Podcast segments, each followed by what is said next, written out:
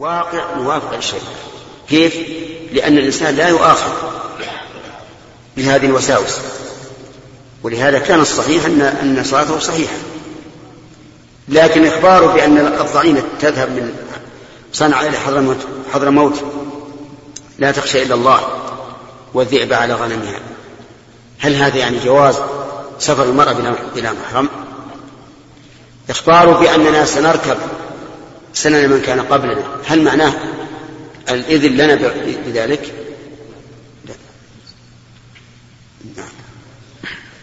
باب رفع الصوت بالنداء. وقال عمر بن عبد العزيز أذن أذانا سمحا وإلا فاعتزلنا. حدثنا عبد الله بن يوسف. قد يقول قائل إن هذا, إن هذا الأثر يخالف الترجمة لأنه قال باب رفع الصوت بالنداء. ثم قال أذن أذانا سمحا يعني مراده أن ترفع صوتك بدون إزعاج. كقول الرسول عليه الصلاة والسلام اربعوا على أنفسكم لما رفع أصواتهم بالتكبير. يعني لا تصرخ في الأذان صراخا مزعجا. اجعله سمحا سمحا مع رفع الصوت. والحمد لله الآن جاء الله لنا بهذه المكبرات في الصوت. الإنسان يؤدي الأذان بكل سهولة وبكل راحة ويسمع سماعا قويا وهذه من معونة الله عز وجل. كما أننا الآن إذا أردنا أن ننظر إلى كتاب ضعيف خطه نستعمل النظرات تكبر تكبر المرئي وهذا تكبر المسموع. وشو بالسمح وقال قال ابن حجر قوله وقال عمر بن عبد العزيز وصله ابن أبي شيبة من طريق عمر عن سعيد بن أبي حسين أن مؤذنا أذن فطرب في أذانه فطرب يا شيخ. أو طرب. فطرب في أذانه فقال له عمر بن عبد العزيز فذكره ولم أقف على اسم هذا المؤذن وأظنه من بني سعد القرض القرض لأن ذلك وقع حيث كان عمر بن عبد العزيز أميرا على المدينة والظاهر أنه خاف عليه من التطريب. خاف عليه من التطريب الخروج عن الخشوع لا أنه نهاه عن رفع الصوت. وقد روي نحو هذا من حديث ابن عباس مرفوعا أخرجه الدار قطني وفيه إسحاق بن أبي يحيى الكعبي وفيه إسحاق بن أبي يحيى الكعبي وهو ضعيف عند الدار قطني وابن عدي وقال ابن حبان لا تحل الرواية عنه ثم غفل فذكره في الثقات. قوله عن أبيه. نعم. قوله عن أبيه. لا حدث قال البخاري حدثنا عبد الله بن يوسف قال أخبرنا مالك عن عبد الرحمن بن عبد الله بن عبد الرحمن بن أبي صعصع الأنصاري ثم الما ثم المازني عن أبيه أنه أخبره أن أبا سعيد الخدري قال له إني أراك تحب الغنم والبادية فإذا كنت في غنمك أو باديتك فأذنت بالصلاة فارفع صوتك بالنداء فإنه لا يسمع مدى صوت المؤذن جن ولا إنس ولا شيء إلا شهد له يوم القيامة. قال أبو سعيد سمعته من رسول الله صلى الله عليه وسلم. الشاهد من هذا الحديث قوله فارفع صوتك بالنداء وفي هذا الحديث من الفوائد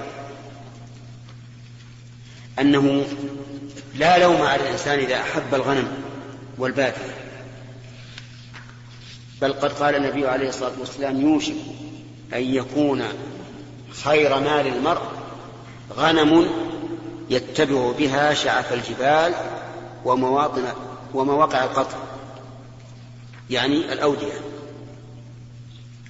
والناس يختلفون منهم من يهوى هذا ومنهم من يهوى هذا ولولا هذا الاختلاف لتعطلت المصالح ومن فوائد هذا الحديث أن الجن يشهدون للإنسان بما سمعوا من عبادة الله. وكذلك الإنس يعني مثلا نحن نشهد مثلا إذا أذن الأخ عبد الرحمن نشهد يوم القيامة أنه أذن وأنه شهد أن لا إله إلا الله وأن محمدا رسول الله ودعا إلى الصلاة ودعا إلى الفلاح كبر الله ووحده. وقوله ولا شيء ماذا يعني شيء هل شيء مما يسمع كالحيوان الحشرات أو حتى الشجر والمدر؟ الثاني المراد الثاني كل شيء. فالأرض تسمع مع أنه ليس لها آذان.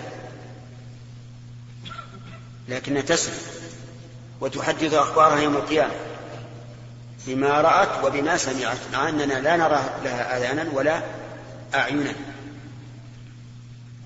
وننطلق من هذا إلى أن إثبات سمع الله عز وجل لا يستلزم ثبوت الأذن له. ولهذا لو سألك سائل إن الله تعالى يسمع قلنا نعم. هل له أذن؟ ماذا تقول؟ الله أعلم. إذا قال إن السمع يتوقف على وجود الأذن قلنا لا. لا يتوقف. فهناك من المخلوقات ما يسمع وليس له وليس له أذن. فالخالق جل وعلا الذي ليس كمثله شيء من باب أولى أن نقول إنه لا يلزم من ثبوت سمعه أن يكون له أذن. فإذا قال ألست تثبت له عينا نقول بلى لكن بدليل مستقل. لا من أجل أنه بصير أو أنه يرى ولكن بدليل مستقل.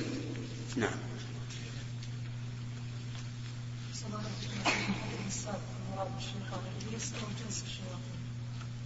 وش جنسه؟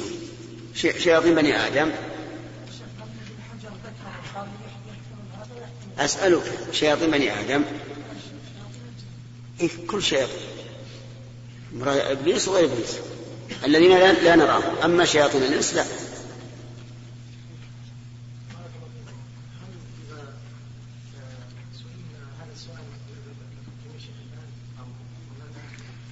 لا لعل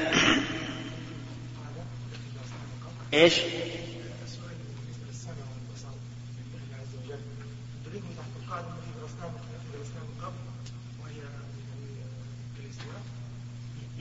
إيش؟ يعني ان السمع معلوم والكيف مجهول إيش كيف؟ كيف إنما يكون لفعل؟ لا لا لا ما نثبت العلم لكن نعلم يسمع يعني يدرك المسموعات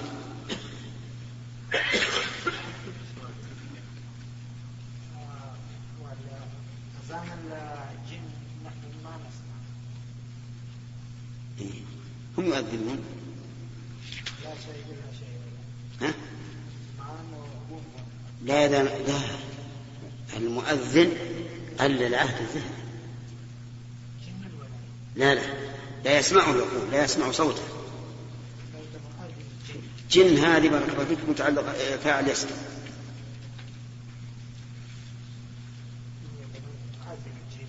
لكن لكننا لا يمكن لا يمكن أن ننفي أن أن أن الجن المسلمين يؤذنون. ما نفي قد يؤذنون. إذا كانوا في فيافي بعيدة من من من مناطق الإنس التي تؤذن قد يؤذنون. مسلمون هم نعم. الظاهر يكفي الظاهر يكفي وإذا أردت التحقيق فاتصل بواحد منهم الليل وعلمه نعم.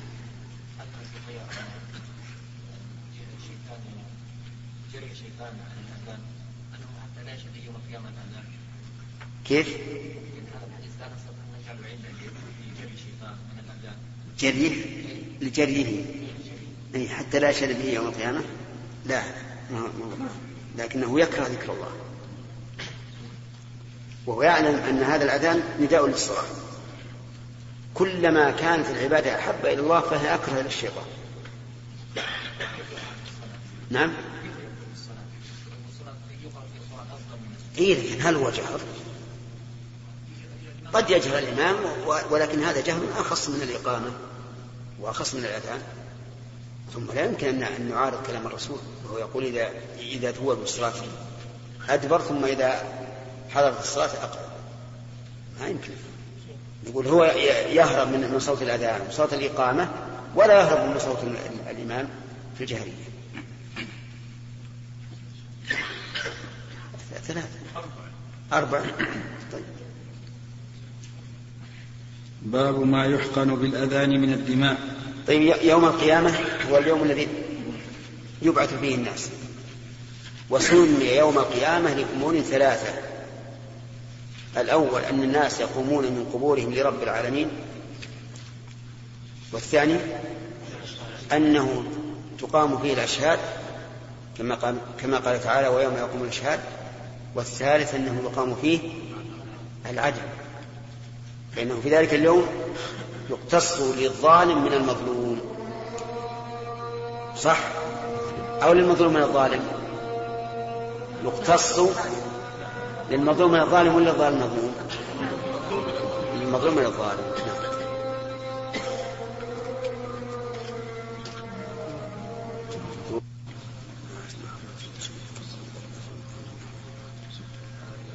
بعد الصلاة وافد يا أهل نعم إيش؟ إي نعم التلحين في الأذان مكروه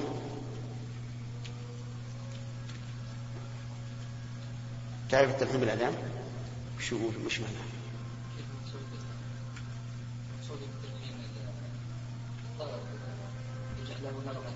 إي صح تمام يعني يكون مطربا به نعم. عبيد علمنا ان لله سبحانه وتعالى السمع؟ لله السمع نعم. لانها لم ترد نعم. قال الشاعر اذا قولنا صحيح لاننا نقول سميع بلا سمع ماذا نقول؟ لا ترى شاعر بدون السمع. اي نعم نعم. نحن لا نقول سمع سمع. لكن الأذن هي السمع. هي الأذن هي السمع. آلة السمع لنا نحن. لكن للأرض للشجر حجر ما هي بآلة السمع اي هذا ما هو صحيح هذا. لأن كلمة السميع هذه مشتقة جميع اللغات العرب اللغات مو العرب فقط حتى العرب والعجم.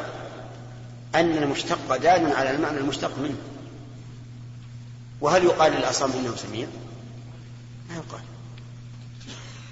نعم. سليم. بعض المدمنين والذين بالحجاز يا شيخ.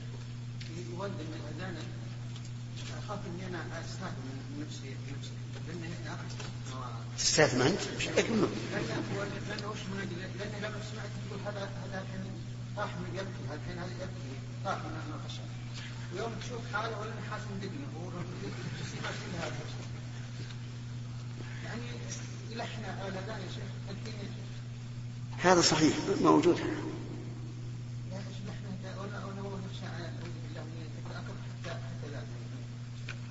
لا لا تكره. اكره فعله وأما الأذان اللي هو الأذان. هو صراحة أي الشكر الله يهديك نعم.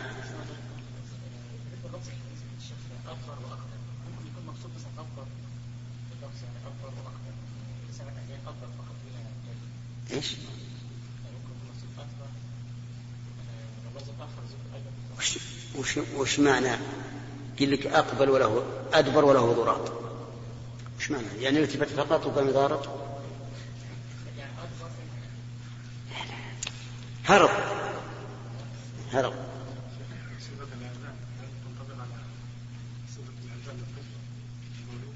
أي هذه فيها خلاف. بناء على صحة الحديث. والأذان يعني حديثه أقوى من حديث الإقامة. والعلماء عللوا لهذا قالوا من أجل مؤذن. لكن أحيانا تكون أصواتهم مختلفة. هذا مثل بدأ بالتكبير وهذا وصل إلى التشهد. فنرى أنك تتبع الأول. لكن أحيانا يكون الذي بدأ بعده يغلب الأول. يعني يكون صوته أقرب إليك وأقوى. فهل تنتقل عن الأول للثاني؟ نقول إذا كان من أجل صوت علو صوت الثاني يضيع عنك الصوت الأول فتابع الثاني. وإلا فاستمر في متابعة الأول.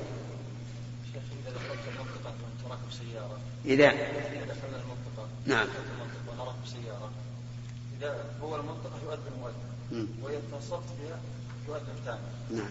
والأول انقطع صلاة نعم. والثاني في أثناء الأذان. يشترون في هذا؟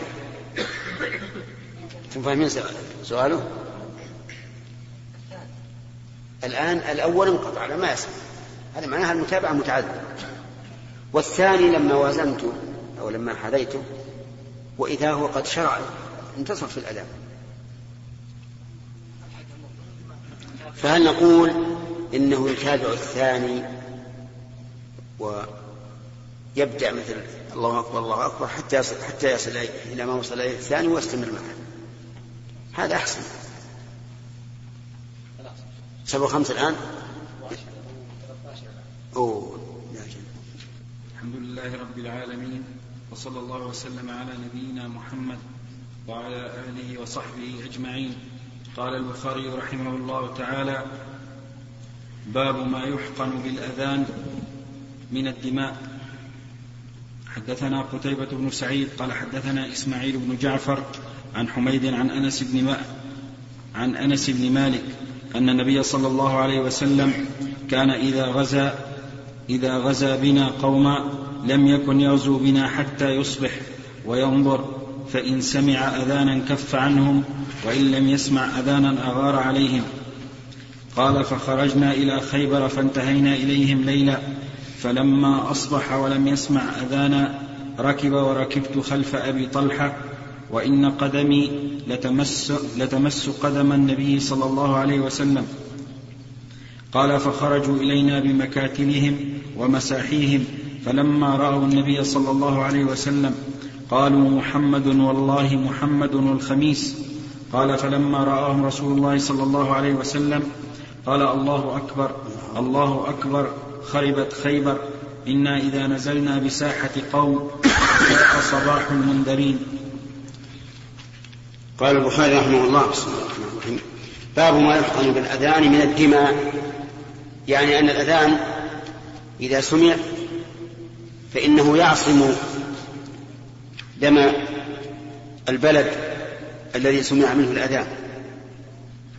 وهذا يدل على أن الأذان من شعائر الإسلام الظاهرة ولهذا قال العلماء إذا تركه أهل بلد فإنهم يقاتلون.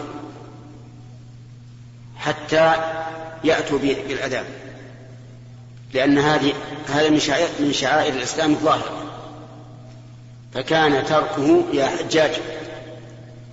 فكان تركه آه، مبيحا لدمائه.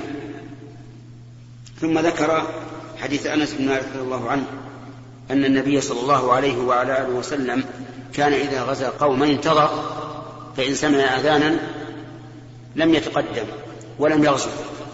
لأن هذا يدل على أن البلاد بلاد إسلام وإن لم يسمع أذانا غزاة. وأغار عليه. يقول خ... وذكر خروجهم إلى خيبر. وخيبر هي مزارع وحصون.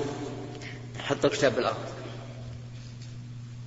طبقه خيبر حصون ومزارع لليهود. وأكثر من فيها بني النضير لأنهم خرجوا من من المدينة ونزلوا فيها وبعضهم ذهب إلى الرعاة في الشام. فلما أصبح ولم يسمع أذانا أغار عليهم عليه الصلاة والسلام. خرجوا بالمكاتل يعني الزبلان والمساحف لأنهم فلاحون. فلما رأوا النبي صلى الله عليه وسلم قالوا محمد والله والخميس. يعني هذا محمد ولا يقولون رسول الله لأنهم لا يقرون برسالته يكذبون له مع أنهم يعرفونه كما يعرفون أبنائهم والخميس يعني الجيش الكثير. وكأنهم الله أعلم خرجوا وهم مرعوبون. ولهذا كبر النبي صلى الله عليه وعلى آله وسلم وقال الله أكبر مرتين. وإنا إذا نزلنا بساحة قوم فساء صباح المنذرين بساحتهم يعني ما حولهم. فساء صباح المنذرين أي أنه يلحقهم المساءة والبؤس. وفي هذا دليل على التكبير عند ظهور الرعب. في الأعداء لأن التكبير يشعر المكبر بأنه فوق هذا العدو كما يفعل الناس الآن في غزواتهم في البوسنة والهرسك وكذلك في الشيشان وكذلك في أفغان من قبل إذا آه، قابلوا الكفار أرهجوهم بالتكبير. حتى إن بعض هؤلاء الأعداء صاروا يكبرون. يوهمون أنهم من جنود المسلمين. ولكن المسلمين والحمد لله يعرفونهم. نعم. وقولها الله أكبر يعني أكبر من كل شيء. في ذاته وفي صفاته عز وجل. فله الكبرياء في السماوات والأرض. والأرض جميعا قبضته يوم القيامة والسماوات مطويات بيمينه. ولكن يجب أن يحمل الإنسان نفسه من التفكير في ذات الله لأنه سيرجع البصر خاسئا وهو حسير ولا يستطيع أن يصل إلى غاية إنما يفكر في أسماء الله وصفاته وما يتعلق بذلك ويؤمن بأن الله تعالى فوق كل شيء وأكبر من كل شيء. نعم. شيخ في حديث ورد النهي عن رفع الصوت عند لقاء العدو. ما المراد؟ إيش؟ النهي عن رفع الصوت عند لقاء العدو. عن عن رفع الصوت. عند لقاء لا ما في كل موضع بحسبه إذا خيف من العدو أن الإنسان إذا كبر استدل العدو بكبيره على ذاته وهو المقصود فإنه ينهى عن عن رفع الصوت. اصبر وأما إذا لم يكن هناك مفسدة فلا بأس. فقد تقدم النبي صلى الله عليه وسلم في غزوة حنين إلى العدو وهو يقول أنا النبي لا كذب أنا ابن عبد المطلب. نعم. إيش؟ اللي هم نعم. لا لا. في وقت محدود. لكن الرسول إذا قدم إلى العدو ليلا انتظر. نعم.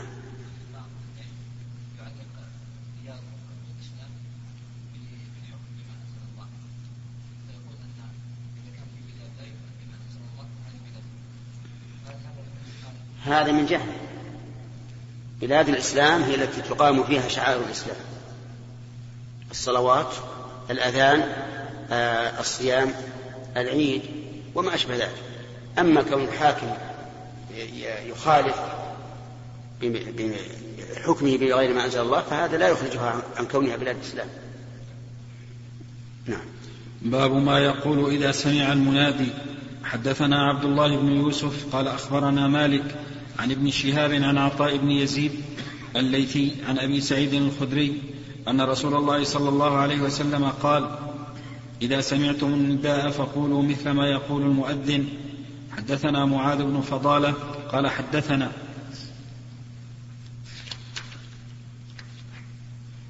قال حدثنا هشام عن يحيى عن محمد بن إبراهيم بن الحارث قال حدثني عيسى بن طلحة أنه سمع, سمع معاوية يوما فقال مثله إلى قوله وأشهد أن محمدا رسول الله. حدثنا إسحاق بن راهويه راهويه قال حدثنا وهب بن جرير قال حدثنا هشام عن يحيى نحوه قال يحيى وحدثني بعض إخواننا أنه قال لما قال حي على الصلاة قال لا حول ولا قوة إلا بالله. وقال هكذا سمعنا نبيكم صلى الله عليه وسلم يقول. في هذا الباب ما يقول إذا سمع المنادي. يعني المنادي بالصلاة وهو, وهو المؤذن. ثم ذكر حديث أبي سعيد الخدري رضي الله عنه أن النبي صلى الله عليه وعلى آله وسلم قال إذا سمعتم النداء فقولوا مثل ما يقول المؤذن وإنما قال المؤذن لأنه لا يتابع إلا المؤذن. وأما المقيم فالحديث الوارد فيه في صحته نظر من جهة رواته ومن جهة اتصال سنده.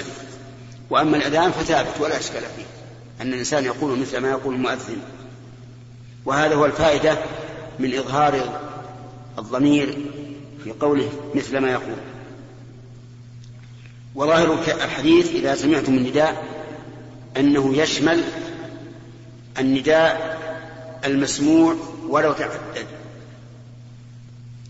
يشمل النداء المسموع ولو تعدد. وهكذا قال الفقهاء رحمهم الله إنه يجيب المؤذن ثانيا وثالثا ورابعا إلا إذا أدى الصلاة التي ينادى لها. وعللوا ذلك بأنه غير مطلوب بهذا النداء. ولكن ظاهر الحديث العموم لأنه وإن كنت قد أديتها فإن فإن الحديث لم يقيد ثم إنه ذكر يثاب الإنسان عليه. وقوله قولوا مثل ما يقول المؤذن يستثنى منه ما جاء في الروايات الأخرى أنه في حي على الصلاة يقول لا حول ولا قوة إلا بالله وكذلك في حي على الفلاح فلا يقول مثل ما يقول المؤذن لأن المؤذن منادي حي على الصلاة يعني أقبل حي على الفلاح يعني أقبل فلا يناسب أن تقول حي على الصلاة حي على الفلاح لأنك إذا ناديته أنت وهو يناديه حصل بذلك التعارض ولكنك تقول لا حول ولا قوة إلا بالله كأن لسان حالك يقول قد أجبت. ولكني أسأل الله العون وأفوض الأمر إليه فأقول لا حول ولا قوة إلا بالله.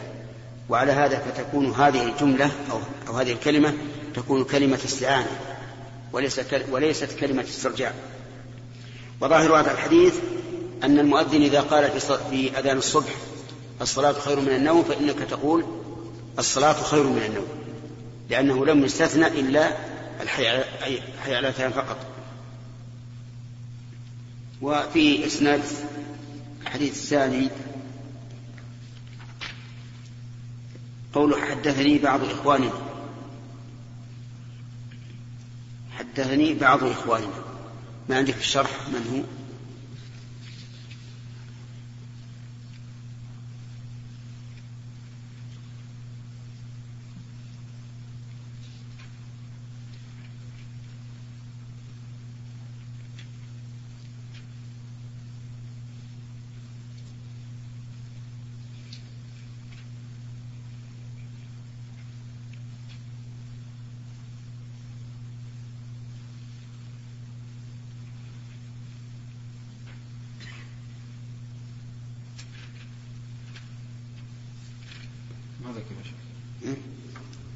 نعم.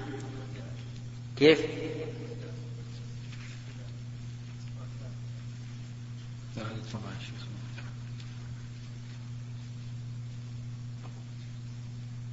في أول بحث ولا؟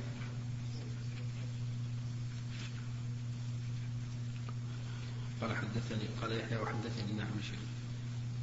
قال يحيى قال ابن حجر قال يحيى وحدثني بعض إخواننا أنه لما قال حي على الصلاة قال لا حول ولا قوة إلا بالله وقال هكذا سمعت نبيكم يقول انتهى فأحال بقوله نحوه على الذي قبله وقد عرفت أنه لم يسبق لفظه. يسق لم يسق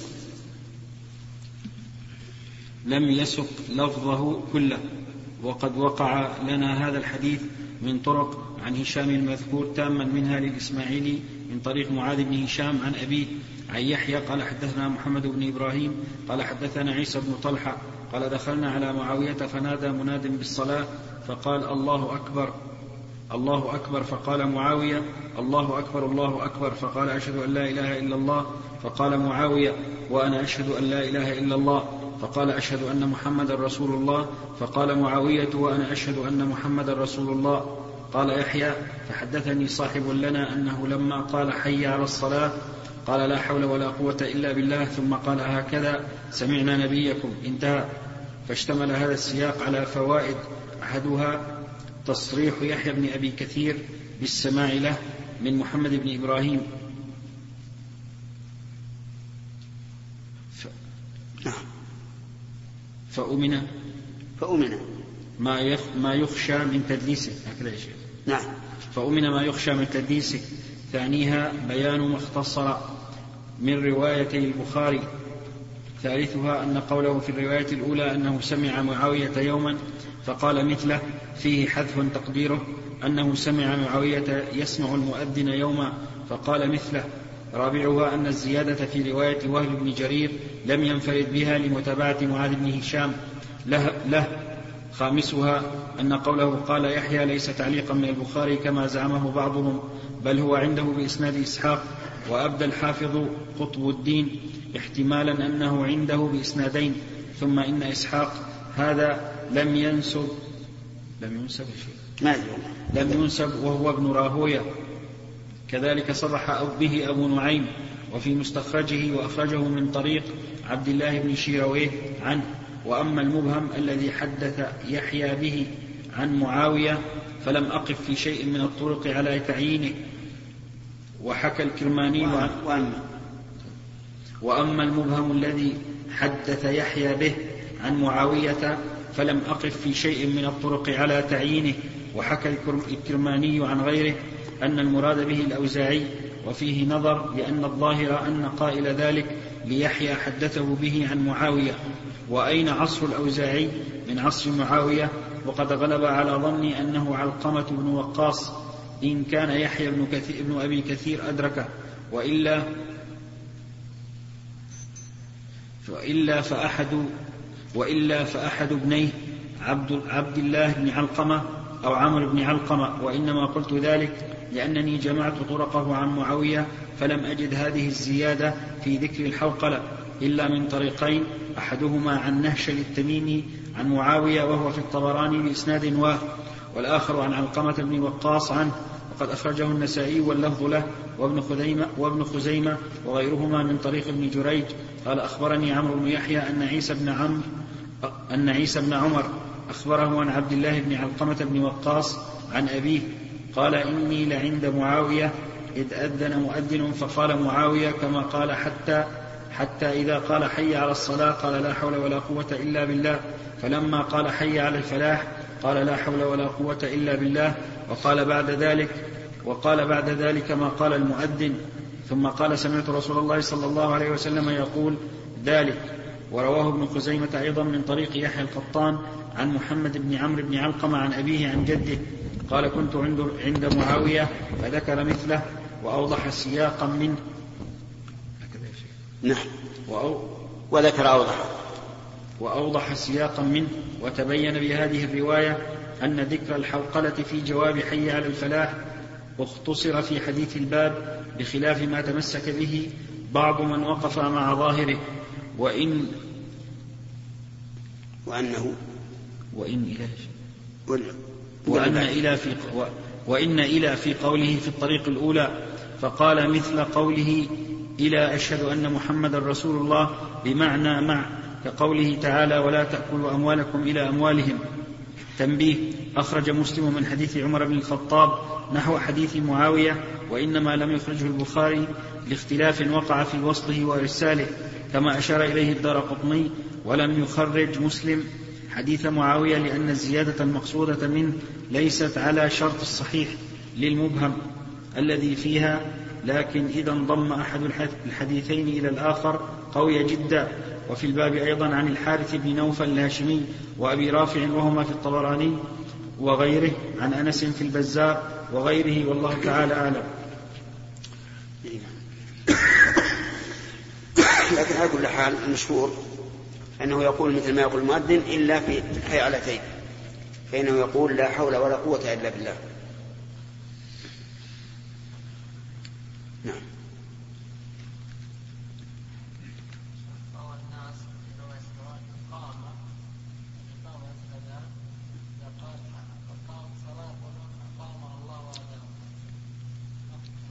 هذا ليس بصحيح. إنما يقولون قد قامت الصلاة. هذا إذا إن صح الحديث. الحديث فيه نظر. نعم. إذا كان إيش؟ نعم. لا بأس. نعم ثبتت به السنة. نعم. إيش؟ نعم. نعم.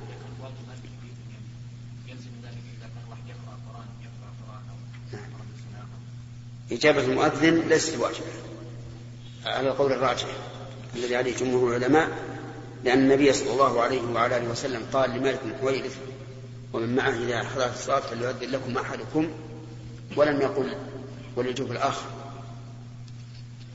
فالصحيح أنها ليست واجبة لكن هل يقول هل يجيب وهو يصلي؟ الصحيح أنه لا يجيب. لأن ذلك يشغل عن الصلاة. ولا يرد على هذا أنه ثبت عن النبي عليه الصلاة والسلام في من غلبه الوسواس أو في من ألقى الشيطان في قلبه الوسواس أنه يقول أعوذ بالله من الشيطان الرجيم. ولا أنه أقر معاذ بن الحكم على قوله الحمد لله حين عطس. لأن هذه كلمة واحدة لا تؤثر. لكن لو تابع المؤذن سيكون كلمات كثيرة فتشغله عن الصلاة. وطرد شيخ الإسلام ابن تيمية هذه المسألة وقال إن المصلي يقول كل ذكر وجد سببه في الصلاة. سواء الأذان أو العطاس أو إصابة الوسواس في الصلاة أو غير ذلك. لكن الصحيح أن ما كان مشكلا فإنه لا يقال. أما القراءة فلا شك أنه يقطعها من أجل أن يجيب المؤذن لأن القراءة لا تفوت وإجابة المؤذن تفوت. استثنى العلماء من ذلك إذا كان في الخلاء فإنه لا يجيب. لكن هل يقضي ما فات أو لا يقضي؟ الصواب في هذا التفصيل. وأنه إن طال الوقت فلا يقضي وإن كان الوقت قريبا فليقضي. نعم. أخذنا ثلاثة. باب الدعاء عند النداء.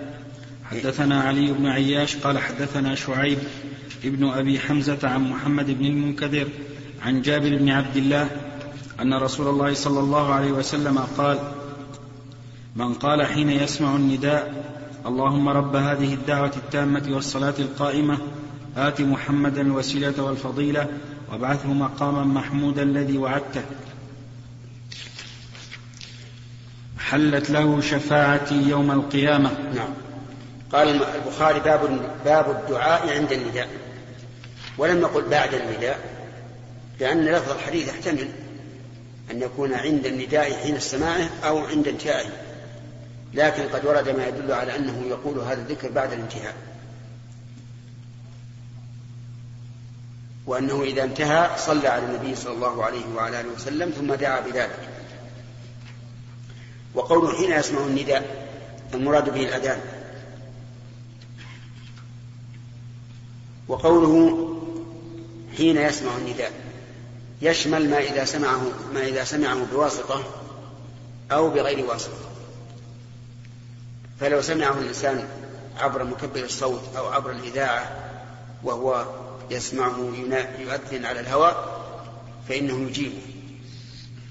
أما لو سمع شيئا مسجلا فإنه لا يجيب لأن هذا حكاية صوت ماضي وليس أذانا ولهذا لا يصح أن يقتصر في الأذان على فتح شريط مسجل يسمع منه الأذان. لأنه ليس المقصود المقصود ليس المقصود رنين الأذان المقصود التعبد لله بهذا الأذان إذا حضرت الصلاة فليؤذن لكم أحد وهذا الشريط متى كان؟ متى؟ قبل يمكن قبل حضور الصلاة بأيام أو أشهر أو سنين وقوله اللهم رب هذه الدعوة التامة سبق لنا الكلام على اللهم ورب هذه الدعوة التامة. ما هذه الدعوة التامة؟ هي دعوة المؤذن؟ لأنها دعوة تامة مبنية على التعظيم تعظيم الله عز وجل والشهادة له بالتوحيد ولرسوله بالرسالة وللدعوة إلى الصلاة وللدعوة للفلاح وهذا غاية ما يكون من التمام. وقول الصلاة القائمة قال العلماء معناها التي ستقام. وقيل معناها القائمة التي أقامها المسلمون وليس المراد الصلاة الحاضرة وعلى هذا فتكون القائمة إيش معناه؟ القائمة فعلا لأن الصلاة عند المسلمين قائمة سواء التي مضت والتي تأتي أما إذا كان المراد الصلاة الحاضرة فإن القائمة هنا بمعنى التي ستقام آت محمدا الوسيلة آت بمعنى أعطي عبد الله زيدان أين مفعولها الأول؟ الثاني الوسيلة. آت محمدا الوسيلة. والمراد بمحمد هنا رسول الله صلى الله عليه وعلى آله وسلم. ولم يوصف بالرسالة لأن هذا خبر والخبر لا بأس أن يذكر النبي صلى الله عليه وعلى آله وسلم باسمه. أما لو دعاه الإنسان فإنه يدعوه بلقبه. لا تجعلوا دعاء الرسول بينكم كدعاء بعضكم بعضا يقول بعضهم لبعض يا عبد الله يا محمد يا علي. بل قولوا يا رسول الله يا نبي الله. أما في باب الخبر فلا بأس أن يذكر باسمه. وقولها الوسيلة والفضيلة. فسر النبي صلى الله عليه وعلى آله وسلم الوسيلة بأنها أعلى درجة في الجنة وأنه لا ينبغي أن تكون إلا العبد من عباد الله. قال وأرجو أن أكون أنا هو. والفضيلة عطف على الوسيلة لأن الوسيلة باعتبار المكان والفضيلة باعتبار الحال. فيجمع له بين الكمال الذاتي وكمال المستقر. وقوله وابعثه مقاما محمودا الذي وعدته. أين الوعد؟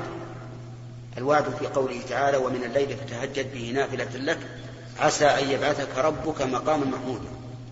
وعسى هنا ليست للرجاء. بل هي للتحقق. ولهذا قال العلماء إذا قال الله تعالى في القرآن عسى فهي واجبة يعني واقعة. عسى أن يبعثك نعم. وهذا القول يستشهد له بهذه الآية بهذا الحديث لأنه جعل ذلك وعدا من الله. والمقام المحمود الذي وعده عليه الصلاة والسلام هو المقام الذي لا يكون لغيره فيحمده عليه الأولون والآخرون. وذلك هو الشفاعة العظمى. أو نقول إن الشفاعة العظمى منه وليست إياه وحدها. والشفاعة العظمى هي أن الناس يوم القيامة يبعثون فيلحقهم من الغم والكرب ما لا يطيقون.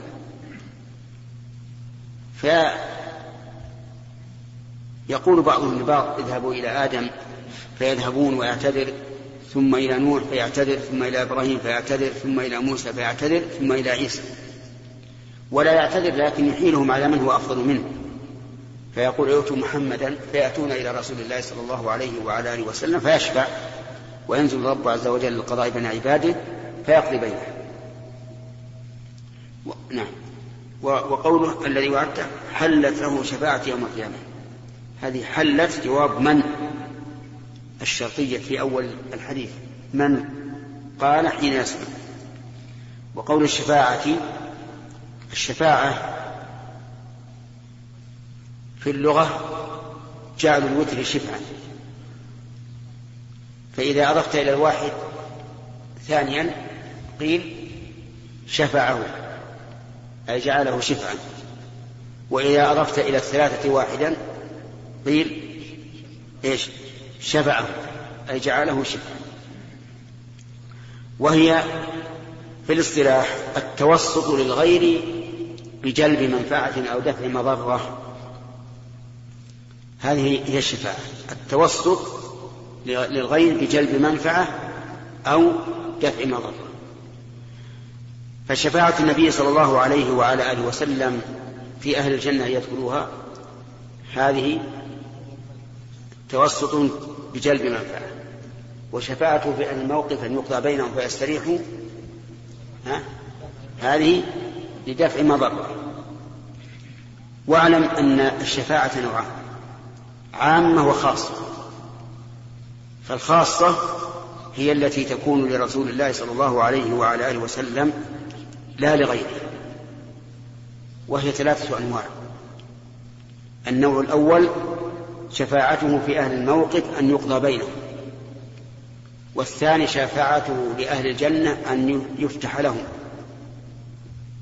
فيدخلوها والثالثة شفاعته في عمه أبي طالب أن يخفف عنه لأنه لا أحد يشفع في كافر فيقبل إلا رسول الله صلى الله عليه وسلم فإنه شفع في عمه فخفف عنه. هذه الأنواع الثلاثة خاصة برسول الله صلى الله عليه وعلى آله وسلم.